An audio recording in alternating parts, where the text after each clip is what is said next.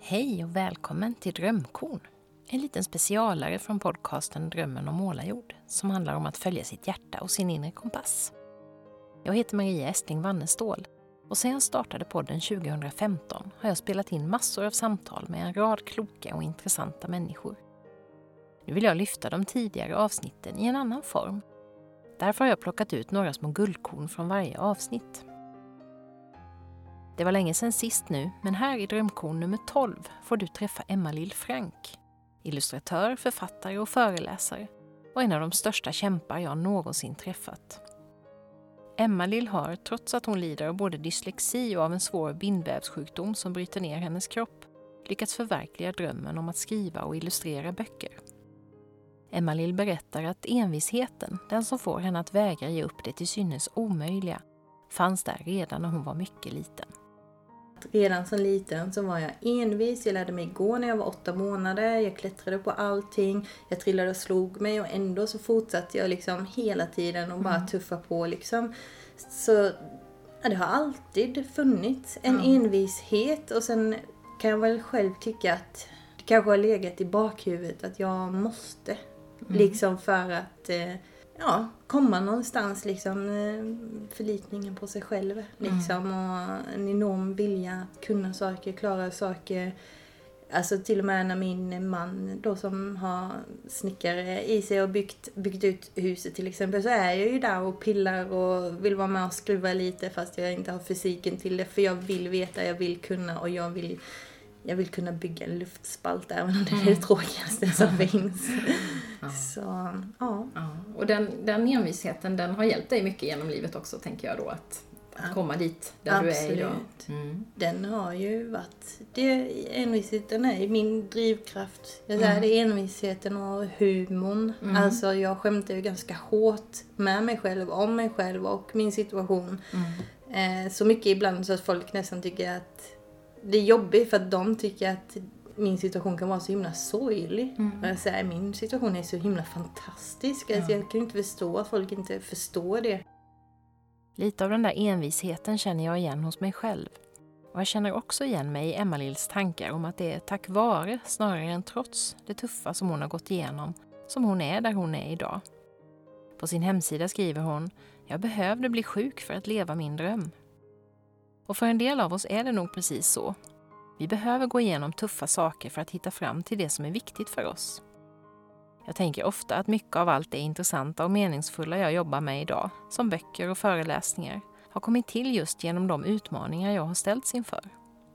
Här berättar Emma-Lill om den resa som inleddes när hon insåg att den yrkesbana hon siktat in sig på, att jobba med träning och friskvård, inte skulle kunna fungera ihop med hennes sjukdom. Så jag sov jättelite och jag hade ju väldigt, väldigt ont för tummen hade ju lossnat. Eh, tyvärr då. Så, och jag visste att jag hade många operationer framför mig. Så då skaffade jag min hund.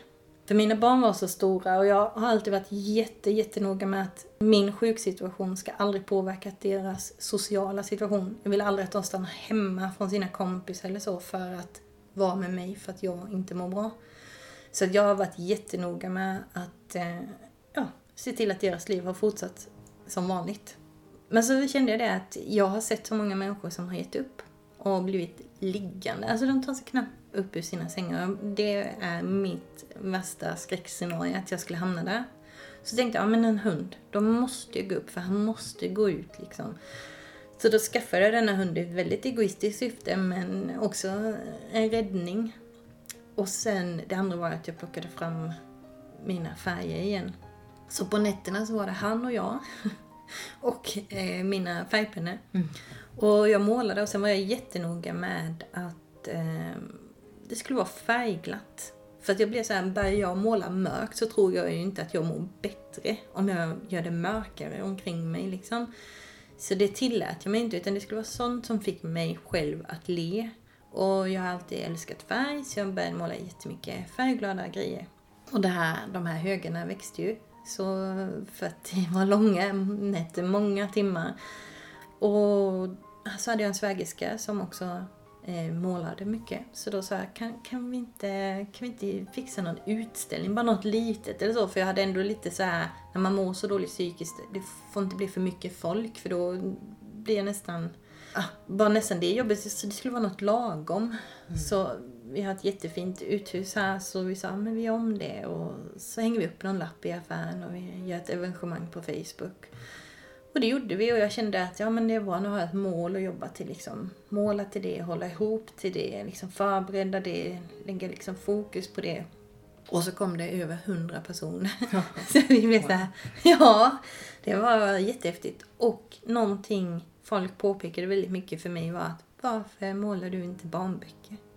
Så när Emma-Lills första yrkesdröm gick i kras hittade hon en ny och hennes envishet hjälpte henne så att hon till slut började få illustratörsuppdrag, huvudsakligen till barnböcker. När jag intervjuade henne hade hon hunnit illustrera 17 böcker och det har blivit fler sedan dess. Emma-Lill har också skrivit fler egna böcker. Bland annat en mycket populär serie med roliga fakta om olika djur, hajar, ugglor, fladdermöss och maneter. Jag avslutar vårt samtal med att fråga om framtiden. Emma-Lill berättar att den såklart oroar henne. När vi ses har hon haft en tuff höst med flera operationer och fruktansvärda nervsmärtor. När man försökte medicinera mot dem hamnade Emma-Lill på intensivkliniken och var nära att stryka med. Jag tänker mycket på framtiden, men jag tänker fortfarande inte att jag inte kan illustrera, utan jag bara måste hitta balansen i hur mycket mm. jag kan illustrera. Eh, saker kanske får ta lite längre tid, helt enkelt. Mm. Och med mitt tålamod är ju det någonting man måste lära sig, mm. helt klart. Men som sagt, jag ska spä ut mig själv genom mm. att satsa mer på föreläsningar, mm. mer på skrivningen, så jag blir lite mer flytande överallt. Mm. Ja, hon är verkligen en riktig superhjälte, Emma-Lill. Om du vill lyssna på hela samtalet med henne hittar du det i de flesta poddappar, på iTunes, Acast, Soundcloud eller på poddens egen webbplats, drommenormalajord.se. I nästa drömkorn ska du få träffa min vän och kollega Sara Norby Wallin i det första av våra årligen återkommande nyårsavsnitt, där vi reflekterar över året som gått och det som komma ska. Tack för att du har lyssnat och hej då!